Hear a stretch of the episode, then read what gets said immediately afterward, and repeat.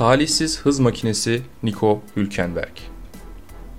Formüle 1'de bulunduğu süre içerisinde tek bir podyum dahi alamayan bir pilota neden hız makinesi lakabını taktığımı haliyle sorgulayanlar olacaktır.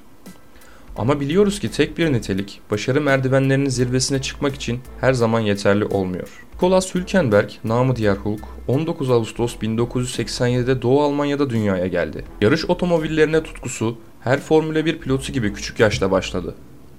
Bu doğrultuda kendisine hedefler koyan Hülkenberg, gerekli tecrübeyi kazandıktan sonra 17 yaşının sonlarında ilk ciddi turnuvası olan Formula BMW IDAC'ye katıldı ve burada şampiyon oldu. Yine aynı dönem Formula BMW World Final yarışında 3. oldu ve kariyerine harika bir başlangıç yaptı.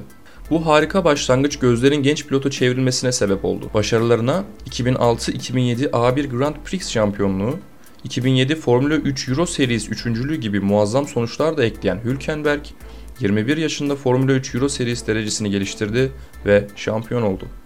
İşler genç Nico için güzel gidiyordu. 2009'a geldiğimizde GP2'de yarışan Alman pilot 100 puan ile şampiyonluğa ulaştı ve Williams'ın patronu Frank Williams'ın dikkatini çekti.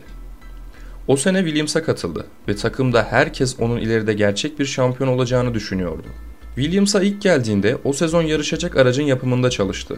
Bunun kendisi için harika bir deneyim olduğunu her fırsatta dile getiren Hülkenberg, Formula 1 izleyicilerini daha şimdiden heyecanlandırmaya başlamıştı. 2009-2010 sezonunda test pilotu olarak görev almış, 2010-2011 sezonu itibariyle Williams koltuğuna oturmayı başarmıştı. Özellikle unutulmaz bir performans ile Brezilya GP'de elde etmiş olduğu pole pozisyonu herkesi şaşkına çevirmişti. Yarışı 8. bitirse de Williams aracı göz önüne alındığında muhteşem bir performans ortaya koymuştu. Nasıl bir hız makinesi olabileceğini herkese ispatlamak istiyordu. İlk sezonunda tecrübeli takım arkadaşı Rubens Barrichello'nun arkasında kalsa da çaylak bir pilot olarak gösterdiği performansla Hülkenberg takdir toplamaya devam ediyordu. Fakat Williams beklenmedik bir karar ile Hülkenberg ile yollarını ayırma kararı aldı. Bu Formüle 1 hayranlarını gerçekten şaşkına çevirmişti. Özellikle yerine Pastor Maldonado gibi sıradan bir pilotun getirilmesi kafalardaki soru işaretlerini arttırmıştı. Hülkenberg daha kariyerinin ilk yılında büyük bir kırılma yaşamış oldu. Bu onun için tüm kariyerini etkileyecek bir şoktu. Bir çıkış yolu arayan Nico, Force India takımının yolunu tuttu. Fakat burada da ikinci şoku koltuğa kendisinin yerine Paul Di Resta'nın oturmasıyla yaşadı. Hülkenberg bu iki darbeye genç yaşına rağmen fena idare etmedi. Moralini mümkün olduğunca yüksek tutarak yoluna devam etti. Bu zamanlardan süre gelen başka bir konuda Nikon'un koltuk bulmasındaki sıkıntının asıl nedeninin performansından öte sağlam sponsorlara sahip olamamasıydı. Formüle 1'de yetenek ve sabır ne kadar önemli olsa da iyi bir sponsor hepsinin önünde geliyordu. Hülkenberg de bundan nasibini alanlar arasındaydı.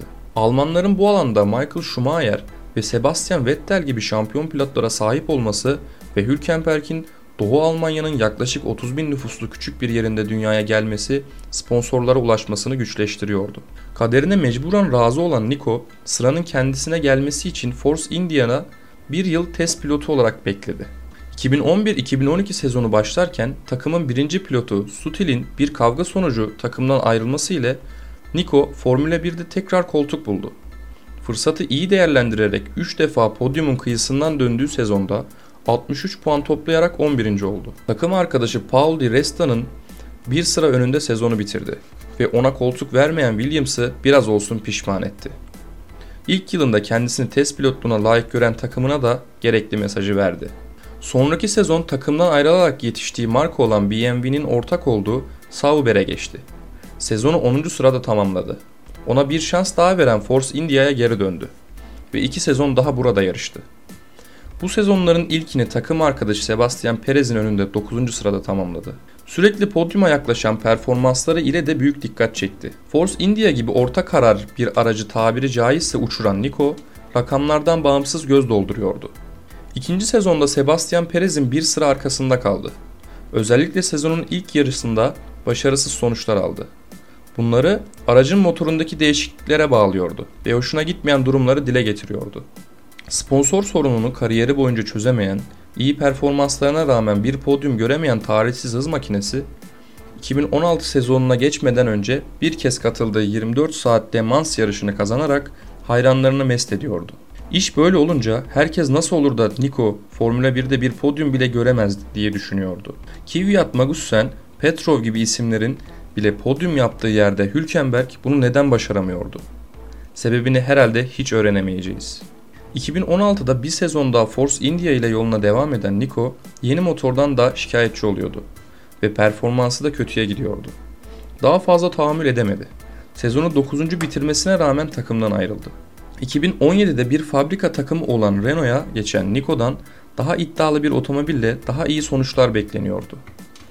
Fakat 2019 sonuna kadar 3 sezon yarıştığı Renault'da iyi yarışlar çıkarmasına rağmen sezon genelinde istediği sonuçları elde edemeyip orta sıralarda kalıyordu.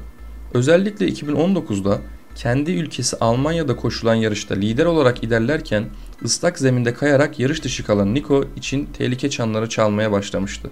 Takımlar onun gibi hızlı ve hırslı bir pilottan verim alamıyordu. Kariyeri düşüşteydi. Nihayetinde Renault onu takımdan gönderdi. Takımsız kalan Nico bir sürü teklif alamadı. 2020 yılında Racing Point'in test pilotluğuna getirildi. Artık 33 yaşına gelmişti ve bir koltuk bulması zor görünüyordu. Test pilotluğuna razı olmuştu. Covid-19 nedeniyle Lance Stroll'ün yarışamaması üzerine memleketi Almanya'da Racing Point aracıyla tekrar pistlere döndü. Kendisini sevenler için ufak bir heyecan yaratan Nico son sırada başladığı yarışı 7. bitirdi ve hala potansiyeli olduğunu herkese ispatladı. Stroll dönene kadar iki yarışa daha çıktı ve sezonu test pilotu olarak noktaladı. Bu sezon ise Aston Martin'in test pilotluğuna geldi ve kariyerini burada sürdürüyor. Nico Hülkenberg, Formula 1'in hırçın ve hızlı çocuğu, muhtemelen yakın zamanda Formula 1 kariyerini akıllarda kalan şu soruyla birlikte sonlandıracak. Hülkenberg iyi bir araç ile üst sıralarda yarışsaydı neler olurdu? Muhtemelen çok daha iyi işler yapardı. Belki de şampiyon olurdu. Ancak artık böyle bir şansı olmayacak. Yine de Hülkenberg Formula 1 fanlarının en sevdiği pilotlar arasında ve ismi unutulamayacak. Bizlere yaşattığı tüm heyecanlar için Niko'ya hepimizin bir teşekkür borcu olduğunu düşünüyorum. Teşekkürler Hulk, teşekkürler Niko, teşekkürler talihsiz hız makinesi.